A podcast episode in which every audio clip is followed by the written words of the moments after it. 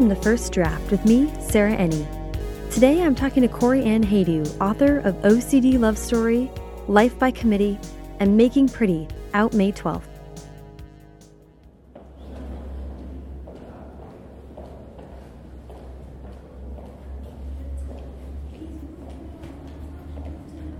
On a cold November weekend, I took the train to Brooklyn to visit Corey.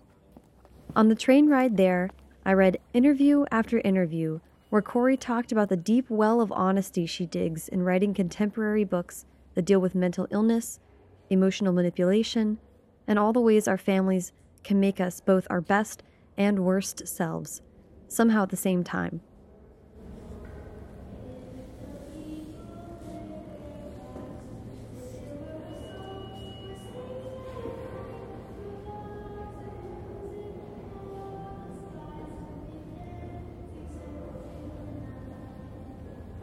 Walking from the train to her apartment, I thought about unlikable girls and the bind we put ourselves in when we even ask them to have redemptive moments, especially when they're teens, when the world laughs at what they love simply because they love it.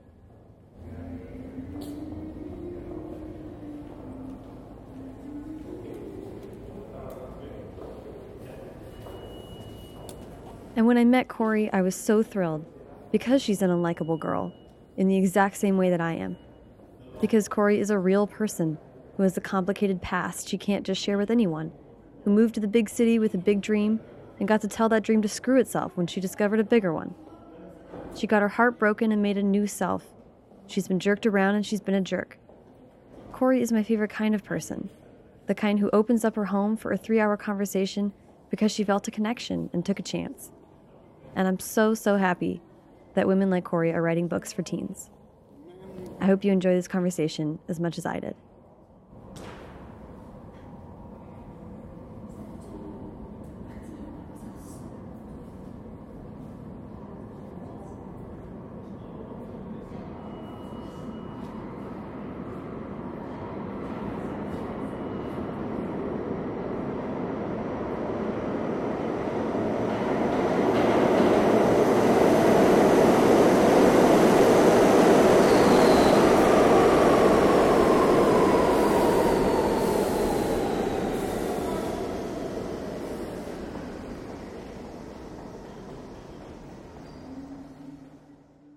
So, hello, how are you? Hi, good. It's so good to see you. Good to see you too. Thank you for having me over. Absolutely. Beautiful day. And Oscar the dog is joining us. He is. He's licking everything and he is enjoying it. you might join in. Um, I would like to start with where were you born and raised? Um, I so I was born in Jersey, but we moved really quick to Massachusetts, and I grew up in a little town like 25 minutes outside of Boston. Okay. I associate more with like New England side of Okay. Massachusetts. My mom's a Vermonter. All my family was like Vermont, Maine, New Hampshire. So that's sort of more my my jam. Mm-hmm. The vibe. Yeah. Okay, all right. So, when did you start writing? I started writing really early. My family is like a big book family. Gosh, I wrote a picture book with a friend of mine when we were like little kids. Really? That is it was called I think Adeline's Life. And she killed herself with a scarf in the end. Like I had that dark. A picture of- book. it's like when we were eight. You know, Oh my that's what goodness. you write about at that Totally. age, right? Um, uh, so yeah, I you know I started doing it then, and I wrote a lot in high school and through college. It sort of wasn't my main number one focus, Hmm. but I, I was definitely involved. Like my senior project was a collection of short stories and photography. I always had that like artsy sort of Yeah. thing happening. That's cool. Yeah. Were the early stories beyond the uh, suicide picture? were they um, this age group, YA age group? Were they? I mean, yes, but only by function of the fact that like I was YA. I always was sort of writing about the age I was. So Right. in college, it was very like twenty something in New York, very like navel gazy, as I think a lot of you know when you're younger, that's your impulse Oh, God, in yes. general. Yes. to like feel really important about what your life experience was like and how meaningful and deep it was.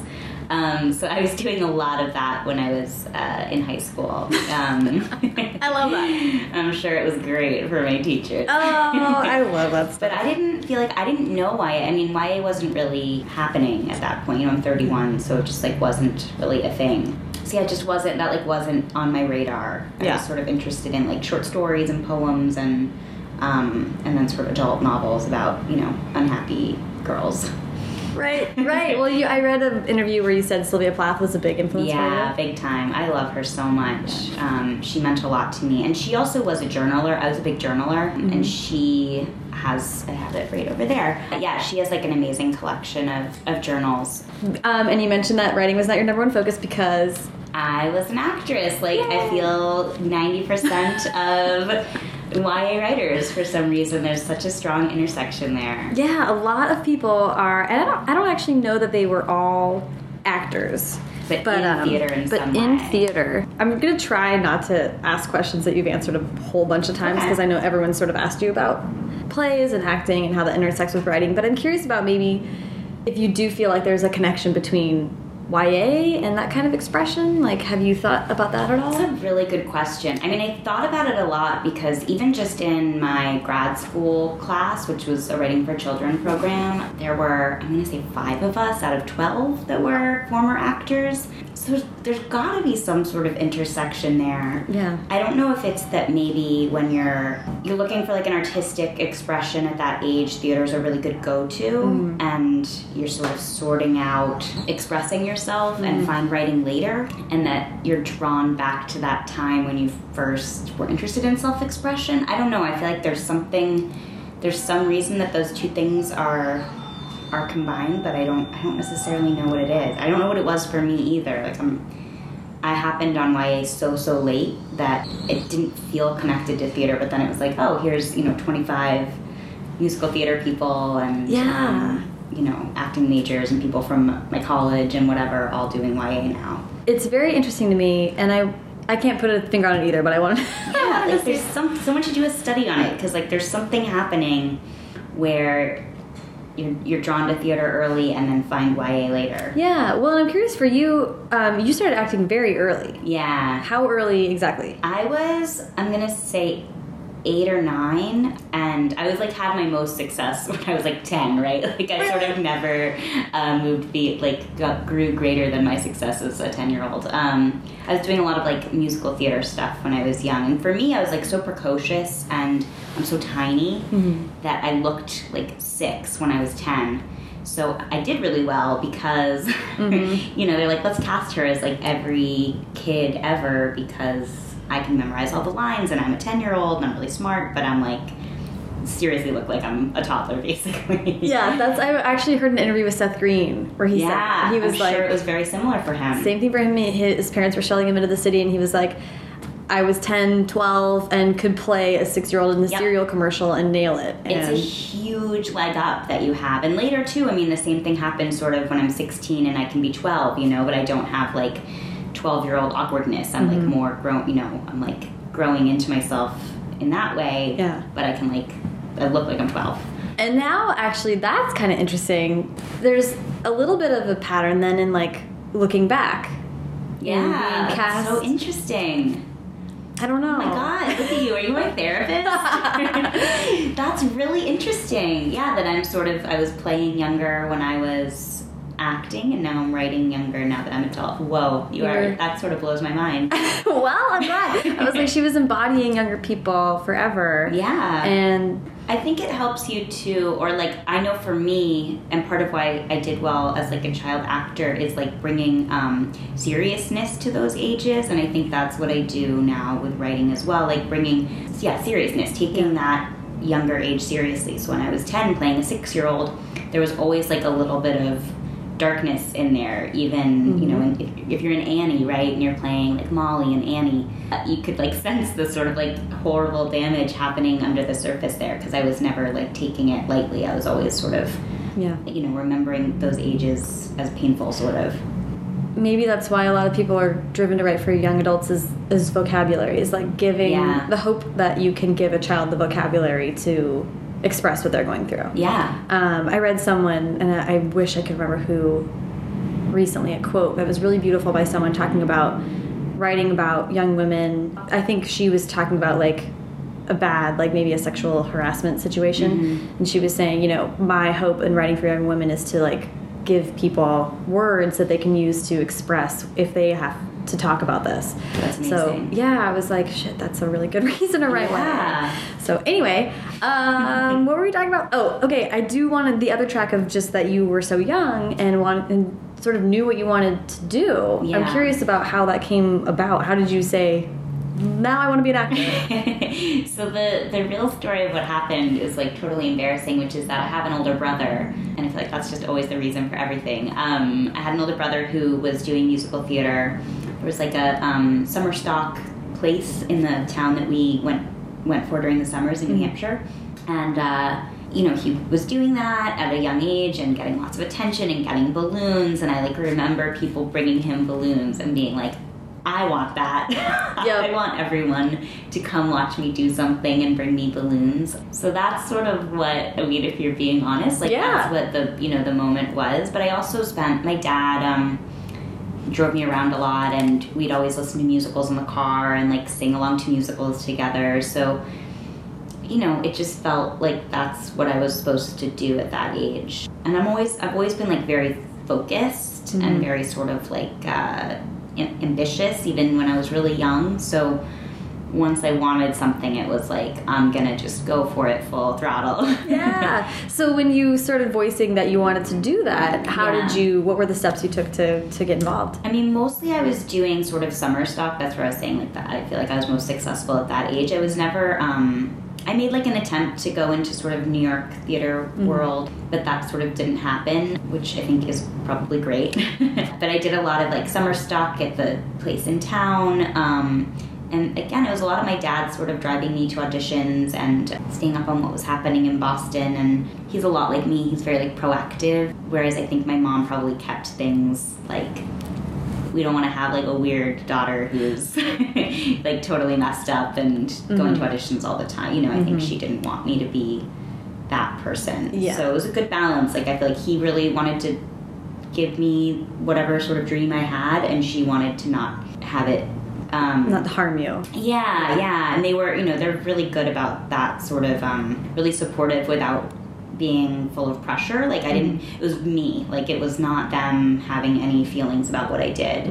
Um, it was sort of me really wanting it and them trying to make it happen Yeah. in whatever way felt comfortable for them. I'm curious because a lot of people that I talk to about acting are like we're also sort of writing um, or they were like directing or they were Yeah. writing scripts or things like that. Were you ever on that side of it or were you really focused on acting? I didn't start writing. I did start playwriting, but not until after college. Okay. Yeah, not until I was sort of a, a couple years into trying to make a career of it and getting frustrated. I always thought I couldn't write scripts because I thought I was really bad at dialogue. It turns out I actually think that's probably the thing that's easiest for me. Like I was just being 19 or whatever and thought I knew something and didn't know, you know, didn't know what I was talking about. So I was like, I can't write a script. That's so interesting. Yeah. That is really interesting because I feel like the benefit of being so into theater is that dialogue is just like drilled into you and you know what. Feels good and what would sound good. as soon as I started doing it, it came really naturally. But I had like a big, um, I like really didn't want to do it. Like I remember, again, my dad would always be like, "Why don't you write it your script? Why don't you like try to do your own play if it's you know when when things weren't going well?" And I'd be like, "No, you don't understand. Like that's not my, you know, that's not my thing. I can't do that type of work. You know, I can't. funny. dialogue is not my strength." And you know, Oh, I Dad, that's of- not my calling. Please, you don't understand anything about you know, my deep soul and ah. talent. So yeah, I, did, I really didn't entertain that idea, and then when I did, it was easy. It, like, but it, I have no idea why I came up with this "I'm bad at dialogue idea. Yeah, and we're gonna. I'm trying to sort of keep it linear, but I do want to jump actually to when. What was it that made you think acting was maybe not your calling anymore? What, what was actually the end of acting for you?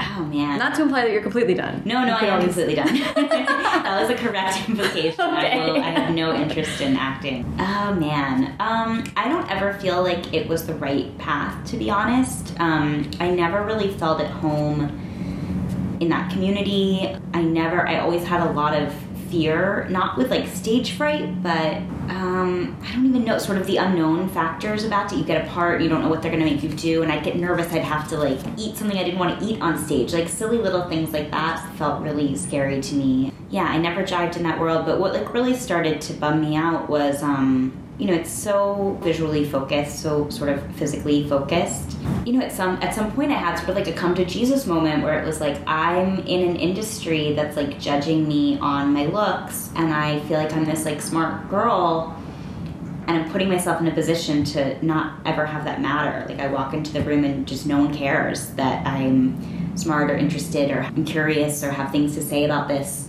You know mm-hmm. none of that matters. They're they're judging so much on how i look and it just didn't feel right for who I am. yeah, Yeah, it's like a bummer. such a bummer.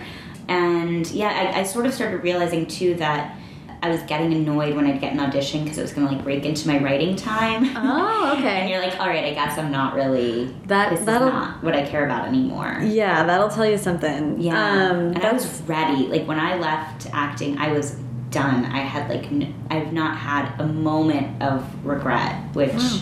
You know I can't say about like many other things in my life that I've left behind. Mm-hmm. But with acting, I feel like I did it as far as I could take it, Mhm. and I went for it. And I don't feel like I didn't give it like what I needed to give it. But when I was done, I was just I was ready. Yeah. Um, and that did jump ahead because I'm going to get to your writing on the side. But I, I already kind of drilled into the dialogue a little bit. But just how else do you think that the form of storytelling on a stage has come through in, in actually writing novels? The form, or just like in general. That, that that way of storytelling hmm. has that in like three act structure. I mean, all this kind of like very unique to the stage type of storytelling. There's different ways that it can translate to. Yeah. God, that's a good question. I mean, I basically think you're just learning a lot about storytelling in general. If you're in a like conservatory type program, um, you're aware of stories having an arc. You're like on the lookout for that. There's so many factors uh, when you're in a play, right? So you look at the you have the script and you have the arc of the script, and you have the arc of your individual character, and then you also have an awareness of the arc that you want the audience to be on Right.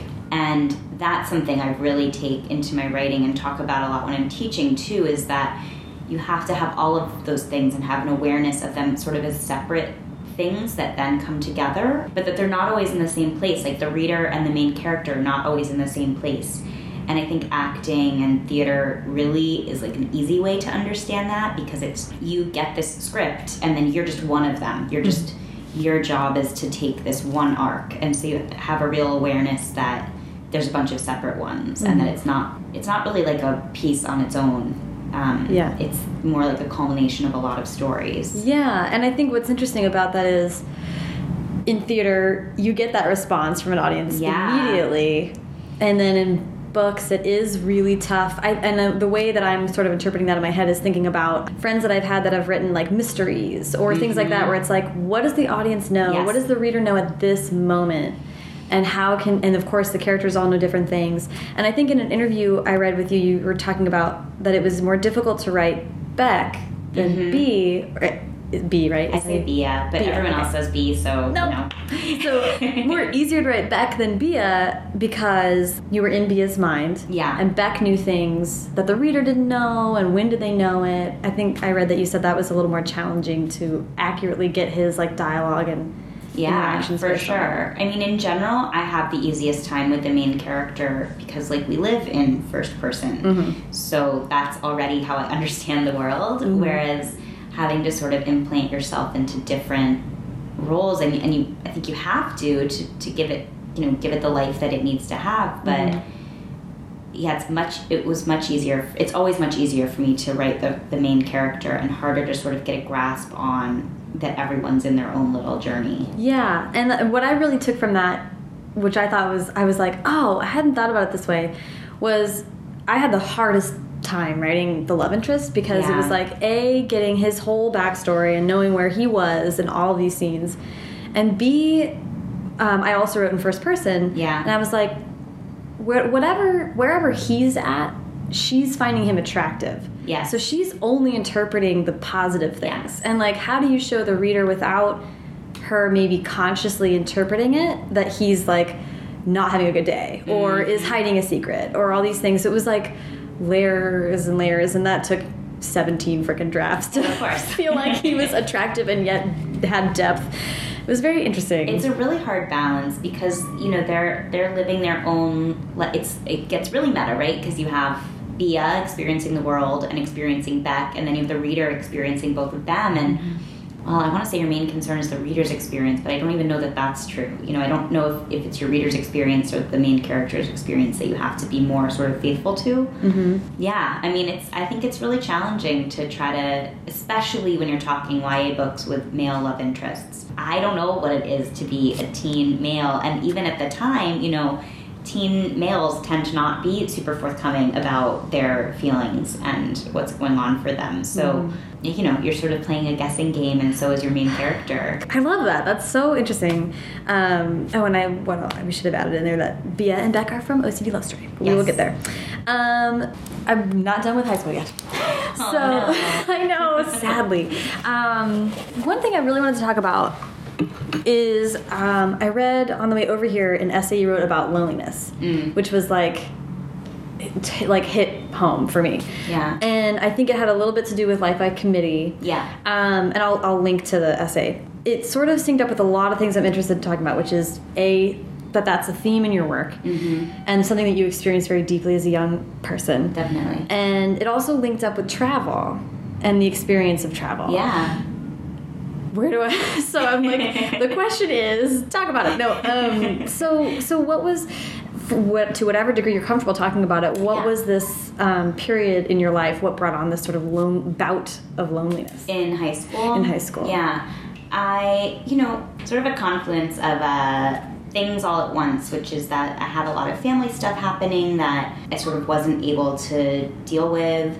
And I also was just really alienated at school. I didn't feel like I had a, um, didn't have sort of a group in the way I was supposed to. I did in, in middle school, and then um, it really fell apart for me uh, in high school. And I got sort of villainized, and just, you know, the way things happen in high school, where suddenly you just are, people are saying you're a type of person that you, you don't feel has a relationship to the person that you actually are.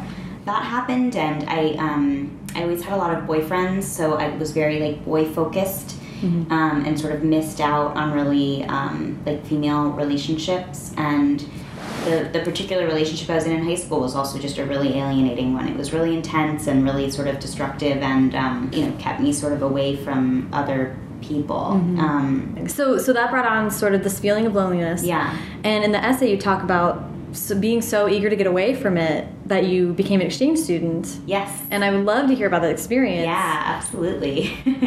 And so just start Oh, from where. man. How did you choose where to go? How did that begin?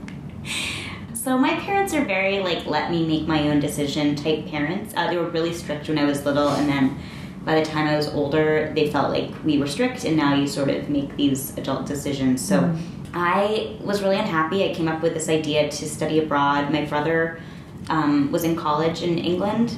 Um, so he also was a travel person. Cool. Yeah, awesome. he, he lives in Ireland now. Um, Wow. Yeah, I'm sure part of it again was partly because of him. I guess that's a theme. So I originally wanted to go to school in England, and that for, for whatever reason that didn't seem like that was going to be the right choice. Um, and my parents knew a little bit about AFS, which is American Field Study. Ah. AFS. It's like the sort of exchange program. A lot of kids come here, a lot of kids go abroad, but they knew a little bit about that for whatever reason, and so I started researching that and. I requested, um, they come and they interview you. There's like this very intensive process. Um, so I, you know, said I wanted to go somewhere that spoke English because I don't really have like an ear for languages, but I guess those are really hard to get into. And I think they always try to convince you to do not that. Mm-hmm. So, you know, they interview you and ask you about your interests, and I was obviously very like artsy. So they were like, art. But what about Italy? Like that, there's art there. I like as if- thinking. As if there's like any relationship to sort of like the type of artsy I was That's and like hilarious. Renaissance painting. Um, who knows?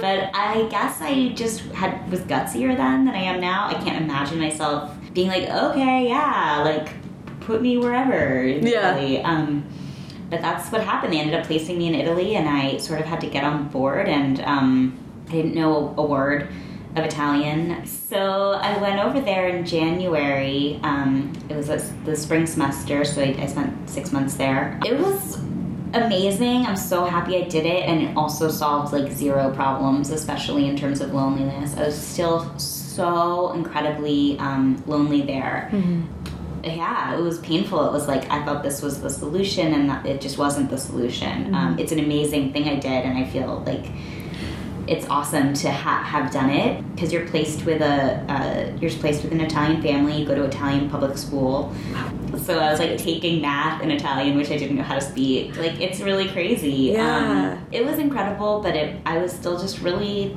lonely. I I, Yeah. I missed. I felt left out. Um, I had I had the boyfriend at that point. That was, you know, all you do is sit around and think about your boyfriend, even though you're in Italy, and then you feel bad about yourself that you're thinking about a boyfriend when you're living in Italy. I mean, it's just that cycle of like Yeah. I'm doing it wrong. I, that that's mostly what I felt through high school. Like I'm doing it wrong. I'm not having enough fun. I'm not.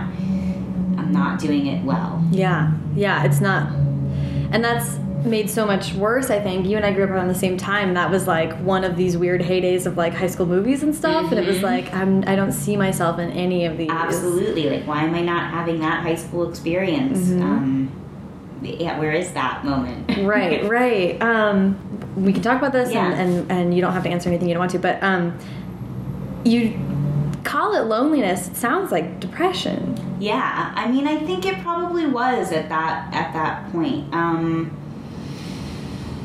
it's hard to think. It's hard to um. You get like sad talking about your like former self, right? Because you're like, oh, that poor girl. Like, why? I I want her to be doing okay, and she like wasn't doing okay, and that's Yeah. it's hard to sort of think about. Uh, yeah, I would I would probably say it was depression. Um, I I went to a therapist and stuff, but not until much later.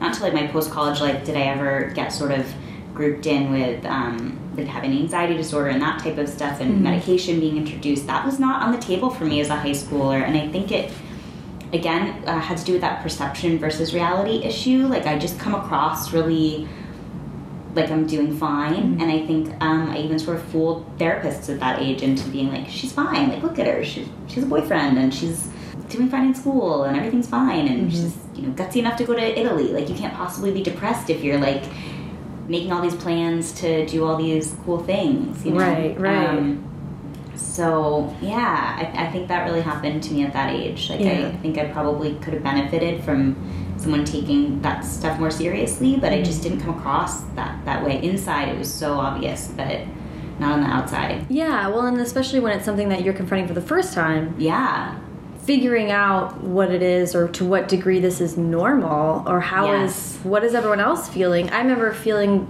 looking back now, of course, having periods of time where I'm like, okay, well, I just thought that's how everybody Uh-huh. was experiencing the world and like whether that's good or negative, you know. You, I, I look back now and have some friends that are struggling with depression that's very real and I'm like, well, the period that maybe I thought I was depressed was not like that, you Yeah. know. So it goes both ways, but I was curious about that because it seemed Yeah. like um, and and what the other thing that made me interested in it is the way you talk about loneliness then is very distinct, but also like the um, you talk about this sort of strange like comfort with loneliness that I feel now too. Yeah. which is and I feel it with travel a lot. Like feeling lonely in travel can be weirdly empowering totally. and like comforting. And I just did this crazy road trip, and it was like extended periods of silence marked In by the these car by yourself. totally by my and and and for hours it was just like no radio no podcast just like just being quiet. Yeah. and marked by these amazing conversations with these women that i was having. And then and that just ended up being just this crazy healing experience for me and feeling loneliness in that way was exactly what i needed and i felt that in your essay i was like she knows what i'm talking about It's like taking control of the loneliness. Like you were in control of that loneliness. You were like, I'm driving the car. You're literally driving the car, right? Yeah, yeah. And you're like driving the car of the loneliness, and you're it's yours, Yeah. and you have it, and you're. You're No one can take it from no you. one can take it from you. some people think it's brave. You're like, sure, I'm doing this Sure, brave whatever. thing. I guess. So, like, I just chose to not be around anyone in my life for a while, and that was empowering. But it was also like some people interpreted it differently. It was Yeah. interesting. Absolutely. But you talk about sort of choosing to be at home and watching Netflix and all this stuff, and I was like, yeah. yeah, it becomes like less of a scary thing, and it's still something I like. I prefer to be around people. Like I get bummed when my boyfriend's out of town, or Mm-hmm. you know I don't have enough plans, or on a weekend. You know I'm alone so much anyway, writing that uh, I definitely look forward to interaction. Mm-hmm. But yeah, you can take more control of it when you're older, and it does. It feels empowering. I mean, a lot of things you do in adulthood, but also particularly if you're writing YA, Yeah. is like healing that stuff in the past. I mean, I don't think anyone should be writing like for therapy, but I do think there's an, a healing aspect of like remembering those moments and seeing how you handle them differently um, as you're older, and but still feeling connected to the 16 year old who who couldn't sort of Yeah. take control of it in that way. Yeah.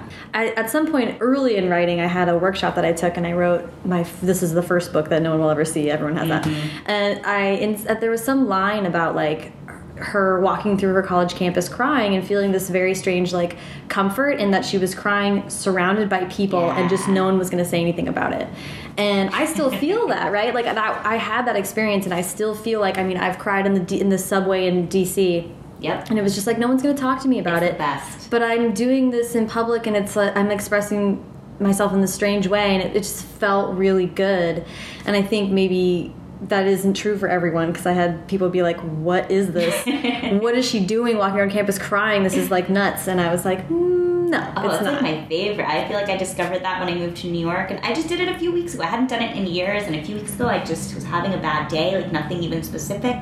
I played the same song like ten million times on my on my headphones and walked around and cried. And it was like, this is great. yeah this is great. I have this thing where I go running and I cry, and it's just Yeah. like the because running brings you up to this level, and then you just like let everything out, and it's like I'm, I'm like oh good, everyone thinks I'm just breathing really hard, um, but there, but it feels just like a just this crazy release, and there's Yeah. something just about having a ton of people around you while you're doing it, but not having it be like oh my god like this mob scene. It's yeah, just they're not like, like, freaking out about you, but I feel like there's energy coming off of them, even if they're. I feel like no one's look. It's New York. Yeah. You're like no one's looking at you or like really gonna approach you. But I like feel at one Yeah. with them. I feel like they're remembering like, oh, I do that too. Yes, there's this very strange like communal humanity that happens in cities like New York where it's things happen in public and it's just like been there, you know. I'm so glad you read that. I really loved writing that post. Yeah, it was beautiful. So Yeah. um, I was reading it on the train. I was just like Aw, having one of those you. moments. It was great. Do you feel like you were bullied in high school, Um, or would you not call it that that? word was like meant something so different when we were in high school. You know, there wasn't. It meant. It was like I'm taking your lunch money. Like that was my association with that word at that age. So it's like applying a word that has different meaning now to Yeah. something that happened then. I guess it was a form of bullying. I mean, my experiences in high school were really similar to those of Tabitha and Life by Committee, Yeah. and that there was like some. Yeah, it's so hard to call it bullying because then you have to like take that identity means something, and you're like, Yeah. I don't know, was it really that bad what they did, or maybe I did things, or you know, you don't know sort of. It's hard to know the truth of, of what happened Mm-hmm. in those years. Um, It's extremely hard. I feel like also as a woman to say, Yeah. not ju not just with this term, but with all kinds of terms that you have to assume that that are associated with being a victim. It's extraordinarily Yeah. hard. they're like hard words to earn. Mm-hmm. I think it was really hard, and what people did was really tough, and and that um, they probably did not understand that what they were doing was so damaging. I, I feel really sure about that. That they felt like that I was the one in power, and that they weren't, Oh, and that I didn't have friends. So I'm like, well, I was not the one in power. Even if you felt, for whatever reason, I feel like the people that did the bullying to me like f- felt that. Um, they were the underdogs. yeah, Yeah, yeah, yeah. Yeah. That's so interesting. I think there is an element of. I remember a few kids in high school having confidence, and even if they were sort of like flying solo, yeah. Everyone would just be like, well, they know what they're doing, and they're like a, a step ahead of all of us, so you don't feel bad about like Yeah. thinking differently about them. But I- looking I back, it's like element of that. how yeah. how scary to be the person that's seen as a, like a loner yeah. when But like an okay loner, like no Yeah. Mm-hmm. one was like worried about me. I don't think. I think it was like, well, Corey just like does her own thing, and and then a lot of times in high school, of course, that's like terrifying for other kids. So I'm sure they were like, well, she knows what she's about, and that's like mysterious at that age Yeah. because no one knows what the fuck they're doing. yeah, and you Mm-hmm. can have confidence in one area and not other. You know, I think a lot happened stuff now that's like I feel again. I feel like so bad for myself at that age, but. You know, you're coming into like your body and you're like wearing whatever clothes and whatever makeup, and I definitely was like figuring out about that at those ages in a way that I'm sure felt like aggressive to some people. You know, I was like wearing really short skirts and Um, I always had, you know, a curvy body and was like figuring that out. Mm-hmm. Yeah. And I think that came across as as confident or came across as like, Right. you know, I don't need. I I don't know. Yeah. Whatever they, yeah, yeah. It's a tough question, but I, I was interested in Yeah. in that because it is a hard, especially I feel like in my head I'm like bullying, especially then it was like I didn't have a black eye. Exactly. And exactly. that, so it's hard to be like, I need to maybe reshift how I'm thinking, or I wouldn't want to tell a kid now, like, if you don't have a black eye, you're not being bullied. But like, Exactly. it's hard to look back at your own experience and think in that way. Yeah. Girls in high school, man. Oh man. Tough life. It's really hard. Yeah. Let's move beyond that and talk about moving to New York City. Yay! New York. So did you always? That was it. New York forever and ever. Always, yeah. When I when I was doing sort of my summer stock stuff when I was like 10, 11, uh, you know, a lot of that is like 21 year olds who are living at the theater for the summer doing doing like six shows a summer. Mhm. Um, you know, just doing like three weeks of each show, and then they'll hire like little kids to play, you know, whatever little kid roles. So that that was my experience, and I was always like the 10 the one 10 year old in like a room of 22 year olds Interesting. and they all went to NYU and they all lived in New York and they were all so cool and um, I just like really wanted that you know I just really wanted that life. Um, my dad and I always went up to New York on the weekends and went to shows and stuff uh, and I remember when I first went to the Fantasticks which played in the Village it's like an off-Broadway musical. That's Okay. amazing. It's like a really fun sort of indie musical um, I remember first going to that and walking around the village and being like, I'm gonna live in the village. Like I'm, this is who I am. Mm-hmm. So yeah, it was that was always the dream. That's awesome. Yeah. Did you? To what extent was it what you dreamed when you first got here? I think New York has always been like everything I dreamed. Like I don't have sort of that complicated relationship with New York that a lot of people do. Mhm. I the second I got here felt more comfortable about like who I was and Wow. um, I knew who to be. I remember when I was um, auditioning for NYU, I have like my very Corey style and that's always been there. And at school, at my prep school, it was like just out of place, you know. And I remember coming to my interview at NYU or my audition at NYU and I had this like big gray like weirdo sweater with like fringes and like fair isle patterns and whatever and uh, we walked into NYU and some other girl was wearing it and like that had never happened to me like no one ever wore what I was wearing you know and my dad and I were like that girl has my sweater like my weird sweater that no one that I know has That's amazing. um, and I felt like, oh, this is, I'm going to be so much more comfortable. And I was. I mean, I really, the second I moved here was like 10 million pounds off my shoulders. I could be a person. I like understood who I was and I didn't feel judged and I didn't feel like I was supposed to act or look a different way. yeah, that's Yeah. huge. Yeah. I love talking to people who find a place Mm-hmm. because I'm I belong to a lot of different places. Yeah. Anyway, my personal journey with place is very like complicated. Not and I don't have bad feelings about it, but like uh, Meagan Spooner was Yeah. like, I showed up in Asheville, and she was like, I just became who I was supposed to be. It's just amazing. the puzzle pieces fit together, and it was just like, fuck, like that's amazing. How do you get out of a car and be like, yes, these are my people, this is my place?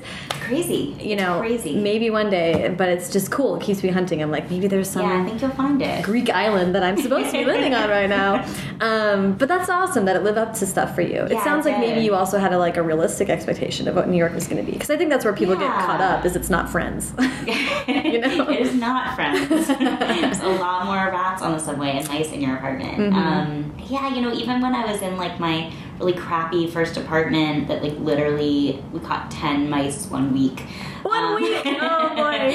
You know, even then it was like, that felt okay. Like that didn't Yeah. feel, that felt, um, like I was in New York and that was great and that's what you do in New York and yeah. you do that struggle and you feel good about it. Yeah, it just always was the right the right fit. Yeah, that's so great. I'm curious about when this stage in the process, going to college, pursuing acting, feeling really good about where you're at. How or when does writing kind of become come back or become something that you're doing on a regular basis? So I actually part of the reason NYU was like the place I wanted to go is that um, I mean I'm, I'm a really big like academic person. Mhm. That's what I'm into. A lot of the conservatories don't really have much academic um, Right. stuff, and also don't have a lot of like study abroad. Like I, you know, those were obviously Mm. things that were important to me. So NYU is like one of the only places that is has Tisch, which is a conservatory program, but you Mhm. also have to like perform academically at NYU. So I, right when I came in, wanted to uh, double major in creative writing, and I got a lot of like flack about it because uh, creative writing classes like don't count towards your English credits Oh. because they're like too artsy. Like you're supposed to just take like regular English courses. So I was gonna have to do it on top of like the conservatory and academic stuff. It was gonna have to be like this extra non-credit. Was there not a creative writing major? No, there totally was. It's just that it wouldn't count what they let you do Oh. because you're already in the arts program. They're like you can't just take more arts classes. You have to take like English 101 or you know whatever it is. Got it. Um, so Yeah. the creative writing classes, I could take them, but like they wouldn't count towards anything. Interesting. and I had to put up like a big stink about it. I was like, I can do it. I like know that I can be a crazy person and like be in conservatory and take academics and do this. Like I'm here to. I don't want to give up the opportunity. You know, Yeah. once you're there, you don't want to like not take advantage of everything it has to offer, basically. Mm-hmm. Um, so really early on, I applied. You to apply to the creative writing classes, and I was doing that. Um, got rejected from one, and know, that like really sucked because I thought like, Yeah. how could I possibly get rejected? I'm so great. I, you know, poems about being 19 or so Oh, incredible. God. Um, I yeah, I started doing that. I finally started sort of getting into them, and um, And it was poetry that you were focused on? it was everything. I did poetry and um, creative nonfiction and some fiction. My interests were poetry and creative nonfiction. Fiction was like not in the same way that playwriting was like not of interest to me. I was also like, I'm not a fiction writer. Like my dream is to have a book of poetry. Like that's what I really thought. I was going to say creative nonfiction, kind of like essay, essays. personal. Yeah, exactly. Yeah. Gotcha. Yeah. So those were like the things I really wanted to do. Um, That's funny. Yeah. Ah, So I love how weird. we think we know the world when we're 19. we really don't know ourselves. no, Um, it's so interesting. Yeah, so I, you know, I was doing that the whole time, and then also doing it after, you know, after I graduated, I was always doing both things. It's just what the balance was sort of shifted over time. Yeah. Was there sort of a shift in the writing life that helped you come to the decision that acting was done? I guess the the transitional period was when I was really playwriting. Like when I was in my maybe 24, 25, I started, you know, getting sort of uh, discouraged about what was happening with acting and how even the things I would go in for, if I, I was like, do I even want this? Do I even want to be in like a soap? I don't know. It doesn't really sound that great. Mm-hmm. Um, so that's when you know I started playwriting and um, I wrote a uh, web series and I was really into that. Cool. I quit my waitressing job. Like it all just sort of happened. It was sort of snowball. I was like doing that writing. I was getting more. I was having an easier time even with like the indie theaters that I'd had relationships with forever as an actor were way more responsive to me as a writer. Like I Mm-hmm. Felt like right, it was easier. Like I get, got so much resistance as an actor, and, and Mm-hmm. the progress was so slow. And then the second I started writing plays, I felt like people were interested and people liked it, and I got more positive uh, feedback than I had as an actor. Um, so you know that obviously helped. I quit my job and um, started working. I got like an internship in publishing, and that was sort of it. I was like, well, I quit. I'm not a waitress anymore, and I'm gonna like try to spend time doing this publishing thing. And Yeah. I, I don't remember what like the exact moment was that the full transition happened. Interesting that you went for, so this is pre MFA. Yes. You, at that point, were actually looking at playwriting, maybe as what you wanted to do, or did fiction? I was doing fiction as well. Okay. I'd always been like submitting short stories to journals and stuff like that. Mhm. Um, but yeah, I was doing both. I was like Okay. pursuing both of those things.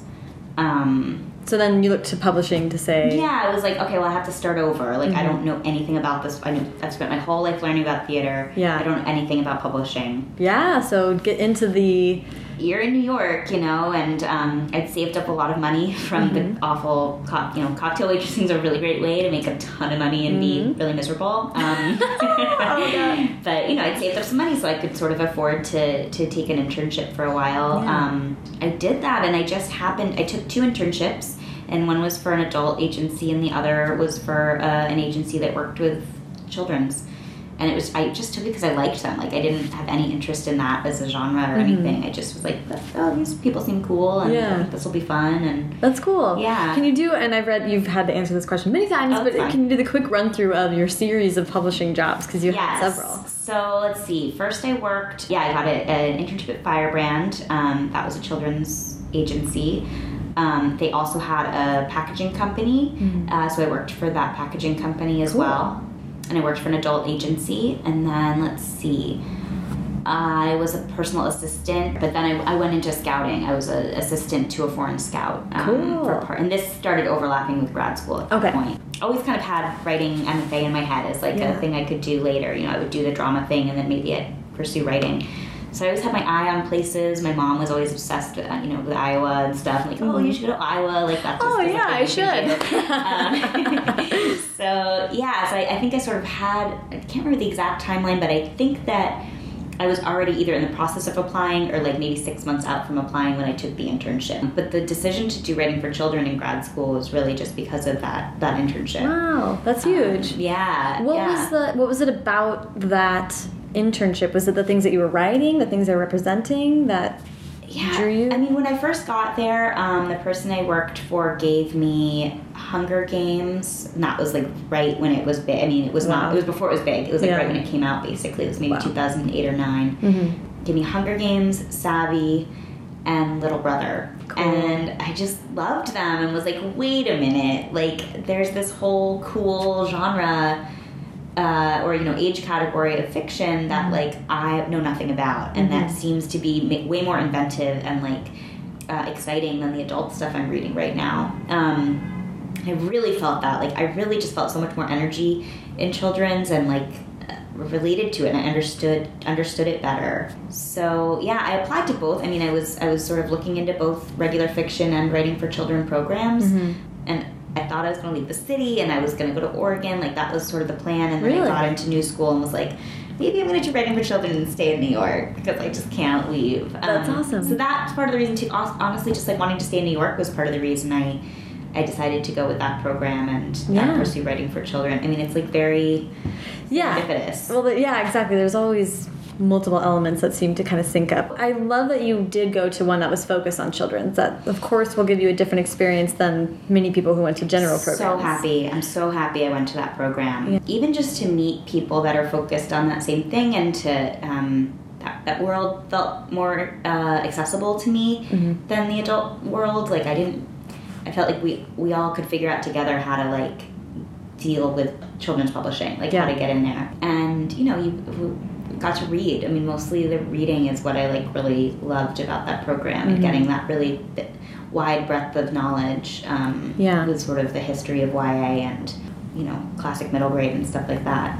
That's so cool. I am curious about how you you, st you chose to stay in New York, which is like sort of your city. Yeah. But how did building this new community within New York change your sort of creative life, or how the city felt to you, or any of those things?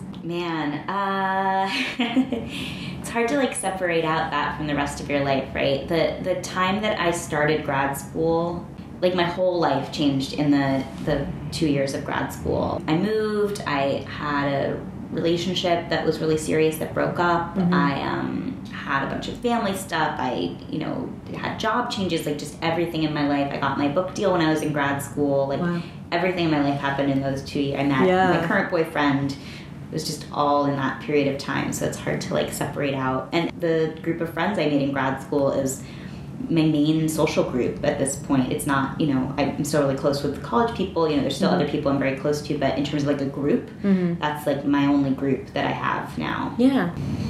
you had to like, I had to leave behind like a little bit of the acting world. Like there's Right. definitely people in my life that I'm not as close to, or people that um, you sort of lose touch with, or, or groups that you're part of that can't be part of in the same way anymore Yeah. because you just don't have time to. Yeah. Especially in the arts, so much of it is supporting people. And I don't really have time to like support all my friends artistically with theater and with writing, you know, and you have to make sort of decisions um, Yeah. in, in terms of your social life and stuff like that. the supporting friends in the art is not a little thing. Like reading a book takes on average 12 hours and It's going to see a play is a whole night and and money and Yep. all that stuff. It's expensive, it's time consuming, and like these people matter to you. I mean, like I, you know, I wish I could support like every single thing all of my friends are doing. Yeah. Um, but you just can't, you know, and part of it is also having to choose choose yourself a lot Yeah. of the time and that that can be difficult on friendships and difficult just on relationships and life. I mean that's Absolutely. a hard thing to, to do. Let's dive into OCD Love Story. Yeah. I um, f- something that in reading interviews with you, I really wanted to hear you talk more about was this idea that a lot of people read OCD Love Story and and said it was like uncomfortable. Yeah. And I'm curious and my immediate reaction to that was like unrelatable Mm-hmm. and like all the stuff that I just like like I can't stand when people say that. Yeah. And so I'm curious about not necessarily that maybe it made you angry or anything like that, but just like what are your what are your thoughts on on having people respond in that way and how do you approach that or, or respond to that? So I don't even I don't even have anger about it. I mean that's not where I where I end up on it. Um, what was weird about hearing those comments at first was um, well, particularly with OCD Love Story, although um, Life by Committee had its own sort of stuff, um, but with OCD, like it was a lot of like this was creepy and scary, and I don't relate. And I, I mean, I don't suffer from OCD, but I relate so strongly to the book that it it was weird to to have people feel that it was so strange because I didn't have that experience at all in in writing the book. I felt like isn't this sort of how everyone feels on some level? Yeah, so it sort of like uh, highlighted for me you know, you're asking if I like had depression when I was younger, and I'd say the response to OCD Love Story made me feel clearer about my sort of like diagnosis as having anxiety issues. I was mm-hmm. like, oh, a, a lot of people don't have this connection with anxiety Right. that I do, and that mm-hmm. that was really illuminating. So I try to find it more interesting than mm-hmm. like emotional Yeah, getting those responses like oh weird i like think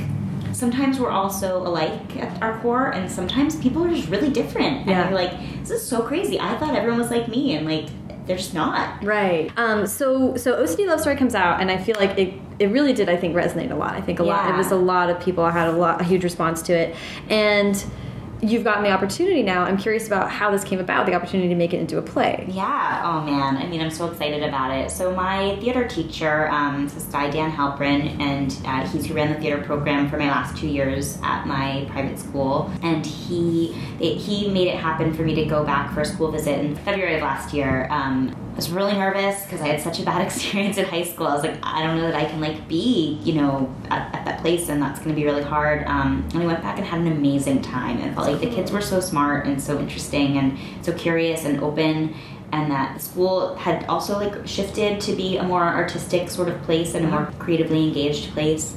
That was really That's exciting to see. Um, yeah when we i spent you know I spent a lot of the day with with um, halprin ushering me to different classes. He'd really like set up the day for me to do different english and theater classes. And the end of the day he was like what you know what do you think? Like could we do ocd would you ever do ocd as a play and i was like uh, yeah of course they would and he was like you know I, I feel like uh, you don't have to get through the faculty and the students. They have like a process of, by which they choose things. Um, I don't know how that would all work. I don't know how you would do how it's such an interior novel. I don't know how we would ever make that into a play, but let's talk about it. Like Yeah. let's keep talking about it. So we kept talking about it, and um, I started writing it uh, maybe in spring or summer. He was like, "Why don't?" I was like, "Why don't I just try writing some scenes? I'll just send you some scenes in a couple months."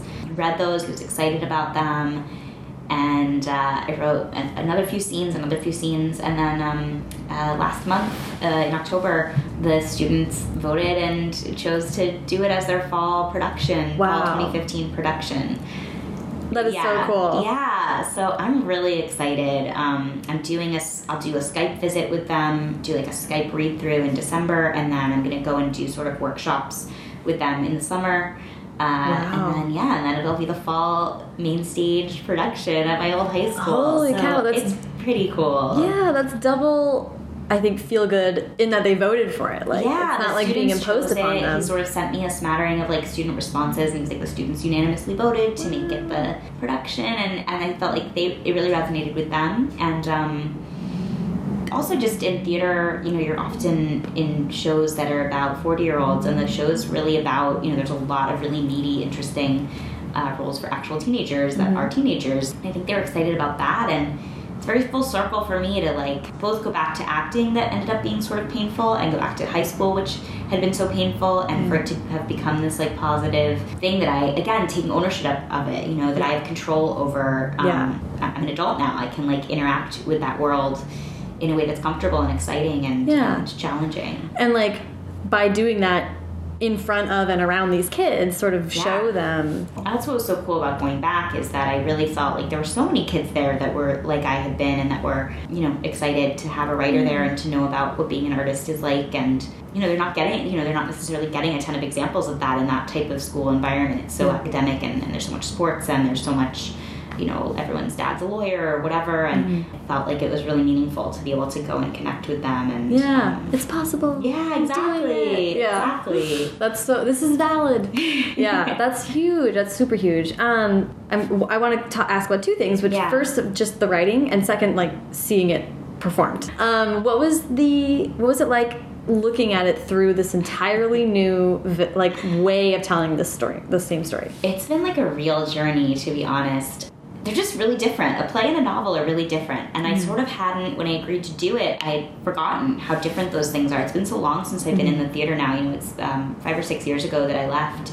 So I sort of forgot, like, what a play is Yeah. and uh, how you tell the story through a play. Um, so one of the things I, I think I did mention to you, like, one of the things was that I forgot that uh, a play is not in first person. So I you know, was writing it scene by scene basically from the novel with all these scenes with Bea in them because if you're writing a first person novel, Bea is in every scene. And when I started writing the play, like halfway through writing it, I was like, oh, I can write scenes that Bea's not in. There can just be these other scenes. Yeah. And uh, what? Like, and it could be anything. blew my mind. Like I literally blew my own mind. Yeah. like, what was I doing? I now have to like reconceive this as a the play is the story. It's not Bea's story. It's like the story of the play. It's a it's a different um, entrance point for telling the story. Mm-hmm. Um, What was a scene without Bea yeah. that you were really excited to write once you had that realization?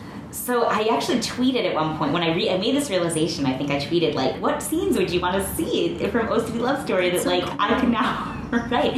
And someone suggested. Um, I guess this is sort of a spoiler, but someone suggested uh, when Leisha gives uh, something to these, these these musicians, Austin and Sylvia. Leisha's Bea's best friend. She brings something to them at a concert of theirs, and it's sort of a, the climax of the book in some ways. And people were like, you can write Leisha like making this decision and having this conversation with these other characters. Um, so that was really fun. Writing Austin and Sylvia in general was really fun. Like I sort of got to write them, write about their relationship without Bea being there. Um, Yeah, that's so cool. Really cool. It was really fun. I love that idea because the book is done.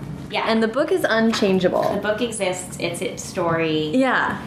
And you get the chance to revisit the whole, all of the world that you have to figure out. I think this is just like sort of a dream for a writer. Yeah. To be able to revisit and say, there's so much like that's canon that people don't know about. There's other stuff, and honestly, I can even change sort of the story if I want. I'm, I'm not a writer that's like super precious about Mm-hmm. the story I've told. I kind of can't be. I'm a really bad drafter, so oh yeah. and have to be like very open to things changing a lot. I know that feel. Mhm. so you have to let go of a lot and be open to the story being a different story than Yeah. the story you set out to tell. And I'm sort of taking that approach to the play too. It's almost like a revision in some ways. I'm Yeah. like, okay, like different things might happen in this story, and the Mm-hmm. the thrust might sort of have to shift and.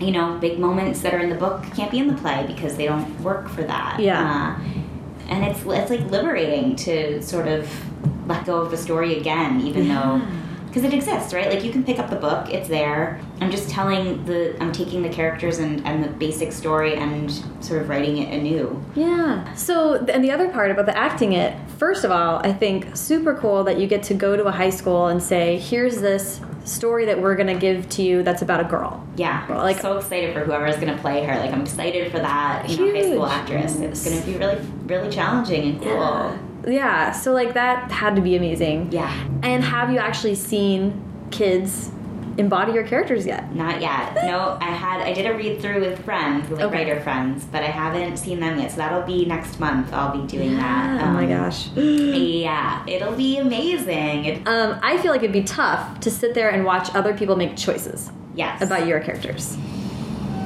Do you think that will be a challenge or will it just be interesting? I'm hoping it's just going to be interesting. I'm, again, I'm trying to like remember my playwriting days when that was actually like Yeah. something that was happening, and it's frustrating if it's not. I don't feel like the choices bother me as much as just if you feel like a lack of investment or something. That's kind of would be Yeah. a bummer. That's true. Someone making choices implies thought and yeah. care. Yeah, exactly. Like as long as the choice is happening. Mm-hmm. I, again, like I'm really just good at letting go of that stuff. Yeah. So I'm not. I'm not too worried about it. I feel like it's gonna be theirs, and they're gonna do with it what they can. And I'm happy to like provide that experience for them. Mm-hmm. Yeah. Um, Was there anything else about the playwriting process that you wanted to talk about? It's just been hard, you know. It's a, it's a, it's like a, it's sometimes it's really, it can be boring sometimes even because you're like, I've already written this, like I already did Mm-hmm. Right. this, and that was a surprise too Yeah. I'm such a um, pantser that I'm not used to like.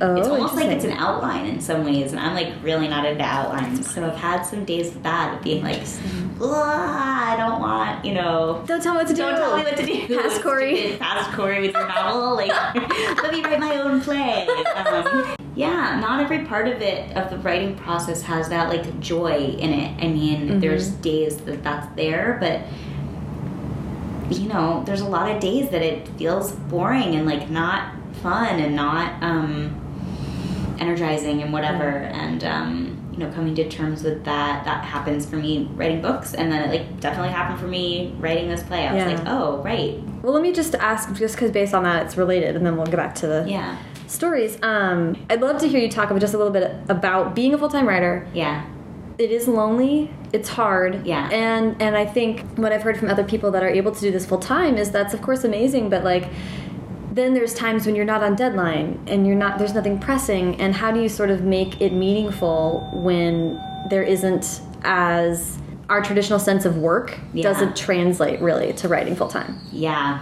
It's really hard, especially if you have that. Again, for me, I, this transit into like New Englandy, but that sort of like workhorse type of feeling where you're mm-hmm. supposed to never relax and you're supposed to um, work really hard. And I have I have that in me, that like really strong drive to like just work and work and work, Yeah. and that's just not really how um, the creative process always works Yeah. and I really try. I like try to put that onto the creative process, and that can really, I can fail at that sort of big time. Um, Or that can backfire. can really backfire, and that's uh, depressing. You know, it Yeah. sucks. It's like you, you think if you work, if you just work like crazy, you'll write a, a good book, and that's not how it works. And trying to find what does work is hard and doesn't involve that sort of always that like nose to the grindstone type of work mentality.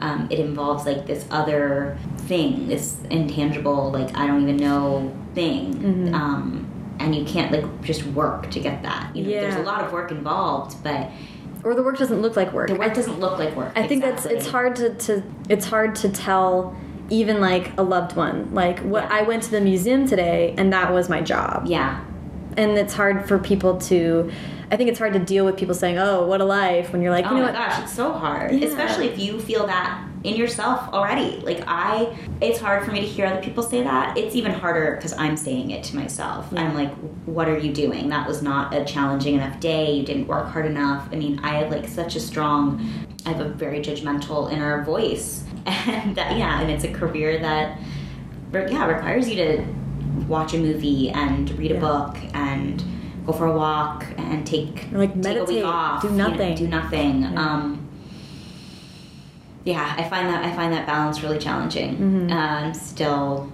I'm still really struggling with it for sure. Um, is that I would imagine that having the community is just like the lifesaver for that absolutely yeah. Having a sense of what other people are doing help helps me like chill out on myself too. Like Mm-hmm. okay, no, no one is like literally working 12 hours a day, 7 days a week. Like Mm-hmm. working typing. That's like not a thing that's happening. So the the idea that that's the standard I'm trying to hold myself to is insane, you know, and to be able to let go of some of that. Mm-hmm. Yeah, having the writing community gives you that perspective and then also having friends outside of the writing community reminds you like people have weekends.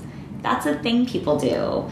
Like I need that reminder, you know. I need like to be around people that don't have jobs that like you're really work, you know, I could work all day every day and all night, you know, or work like at least in my head. Mm-hmm. Having people that aren't in the writing industry who are taking like a Saturday and going to brunch and just hanging out. I need that to like remember that I'm allowed to do that. That's such a good point. Well, I appreciate you speaking to that because that is definitely like, I think people put that out there as like the dream Yeah. to work to just be a full time writer and like understand that's not going to solve everything. I think is Mhm. interesting to keep in mind Yeah. and important to keep in mind. Um, okay, and let's talk about making pretty because I'm super interested in this. I read in an interview talking about this being a story about a girl whose dad was a plastic surgeon. Yeah. But then the Goodreads description is sort of like doesn't deal with that. Yeah, which is interesting. I mean, you know, I have no um, Control. over- control over that. um, Well, how would you? What's your kind of spin on this story? I'm so bad at pitching books. I know. I'm sure. Here's your elevator pitch. Because I'm like, it's about a girl with plastic surgeon dad. Except clearly, it's not because that's not what's in the. Um, that's not what you know it's being talked about as. It's definitely a sister story, which I must have just been in a year that sister stories Yeah. were of interest uh, to me with the middle grade um, and this one. It's a New York story. It's two sisters in New York um, with a plastic surgeon dad, uh, and the the main girl Montana is sort of falling into a really intense romantic relationship and also a really intense friendship at the same time. And uh, it's sort of about how those things complicate her family life and how her dad's sort of own complicated life and worldview uh, affects her. What came first for that story? What was the driver?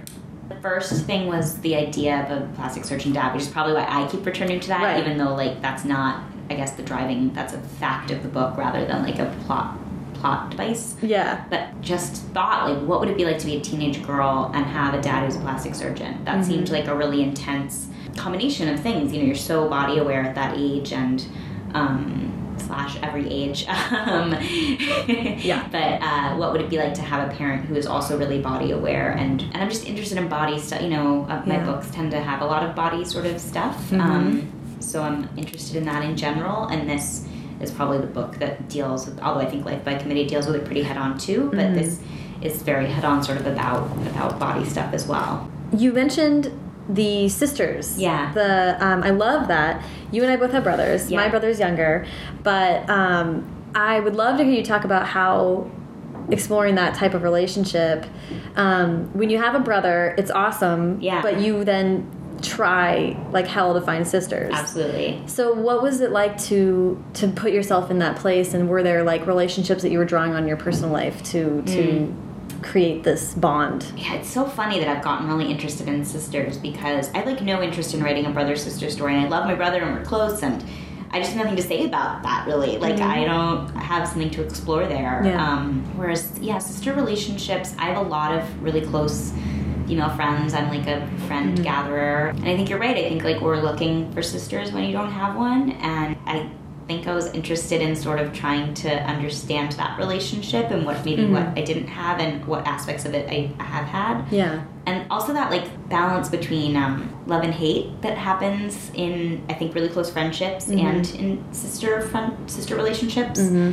That's something I can relate to. You know, the people I'm closest to. There is that push pull with. You know, we are really close. Those super close female friends. Like it's both like such a simple relationship because there's so much love, and a complicated relationship because you're humans and you're making choices you don't approve of, or you're um, growing apart in ways that are uncomfortable, or dealing with something in really different ways. Yeah, I, I'm interested just to hear a little bit about, I, and I just brought this up because earlier we talked.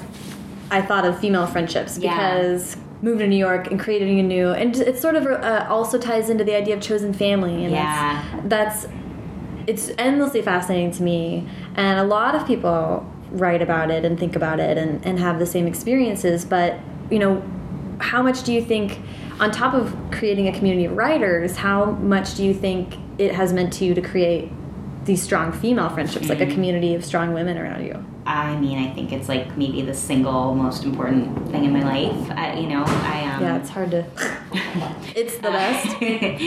yeah, it's hard to really even put it into words. I think like those relationships have saved me and have been like the there's like years in my life that I wouldn't have survived without having created those friendships and that was really a priority to me when I moved away from home and started my own life. Yeah, sometimes when you're in, when you're going to like a relationship, you're trying to create family, and that um, particularly for me at younger ages, I was not I wasn't making good choices about like who those boys were going to be, and I tended to make better decisions about who the women are going to be. So I just focus on that more. You know, like I've Yeah. I've learned that in terms of like creating family when you like really need that.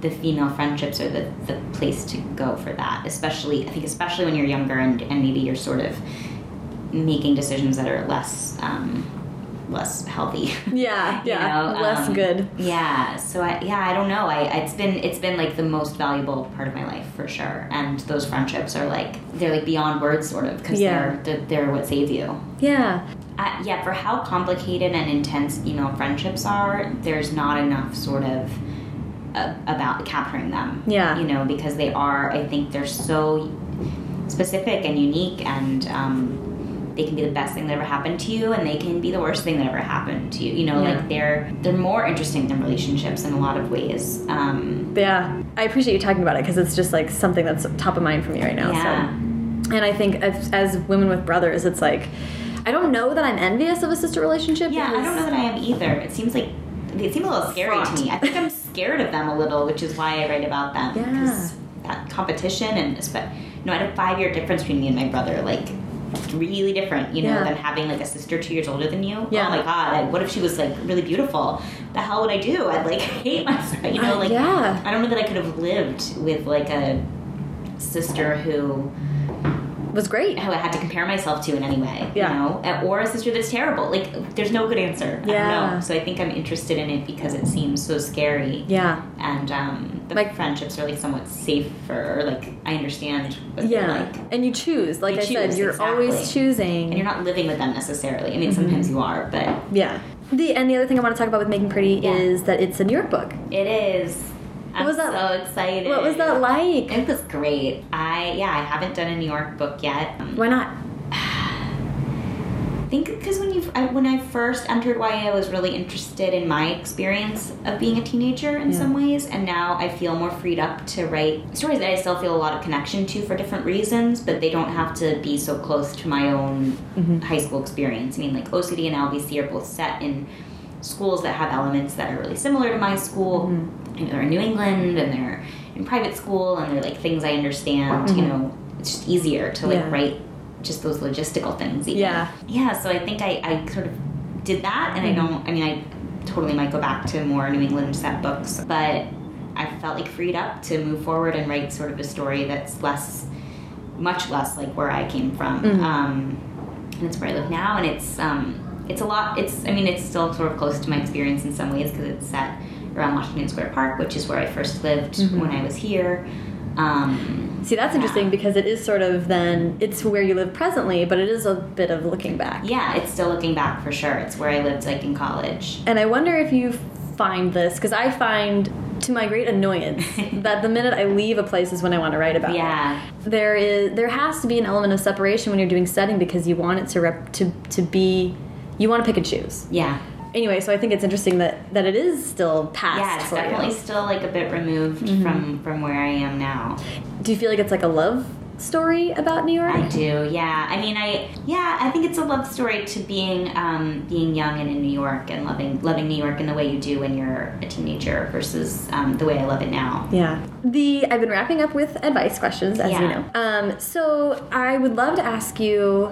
First, I'll, I'll always want to ask just about beginning writers. Talk about advice for people who are maybe transitioning from acting or a different world of creativity. Yeah. Transitioning to writing.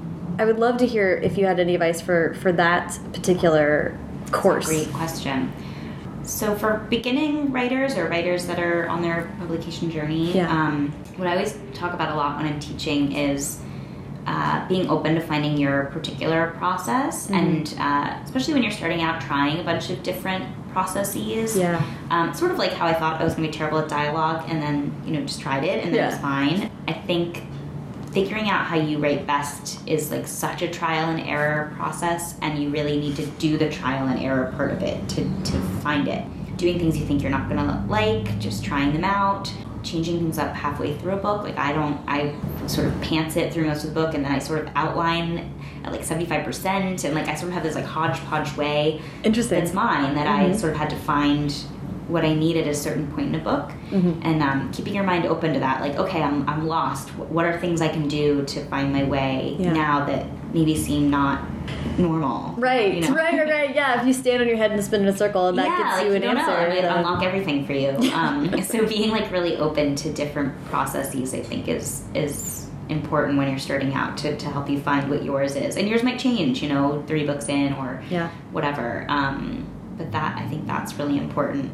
And as for people finding themselves transitioning, not feeling like one thing is a waste or unrelated to another thing, I'm a pretty big believer in like things add up over time and mm-hmm. things that uh, seem like a waste or feel like they don't have meaning mm-hmm. um, might have meaning 10 years later. So, not getting sort of bogged down in like, well, but I spent five years trying to become a painter and like now it's pointless and like maybe I should just keep doing it because, you know, it'll be pointless if I don't keep going. That's just not how life works. Let it go and trust that like it's gonna inform your work in a positive way and may even come back like really, you know, like me with um, high school, like and theater. You know, those are things that I let go of, and then they're coming back in a new a new way that's yeah. unexpected and that you know I couldn't I couldn't do without without all the other things I yeah. did. Um, if you want to go on another path, go on that other path, and I'm just like sure that the previous path will play a role that's going to be meaningful. Yay! Um. Well, thank you so much. You're welcome. This was thank the best. You.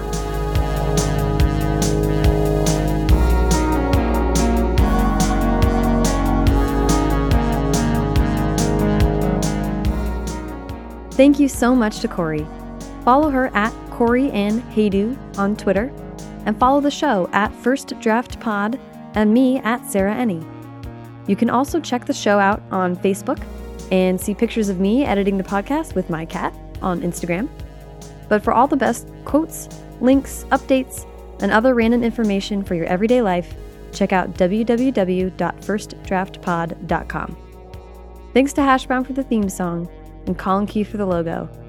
And as ever, thanks to all you unlikable bitches for listening.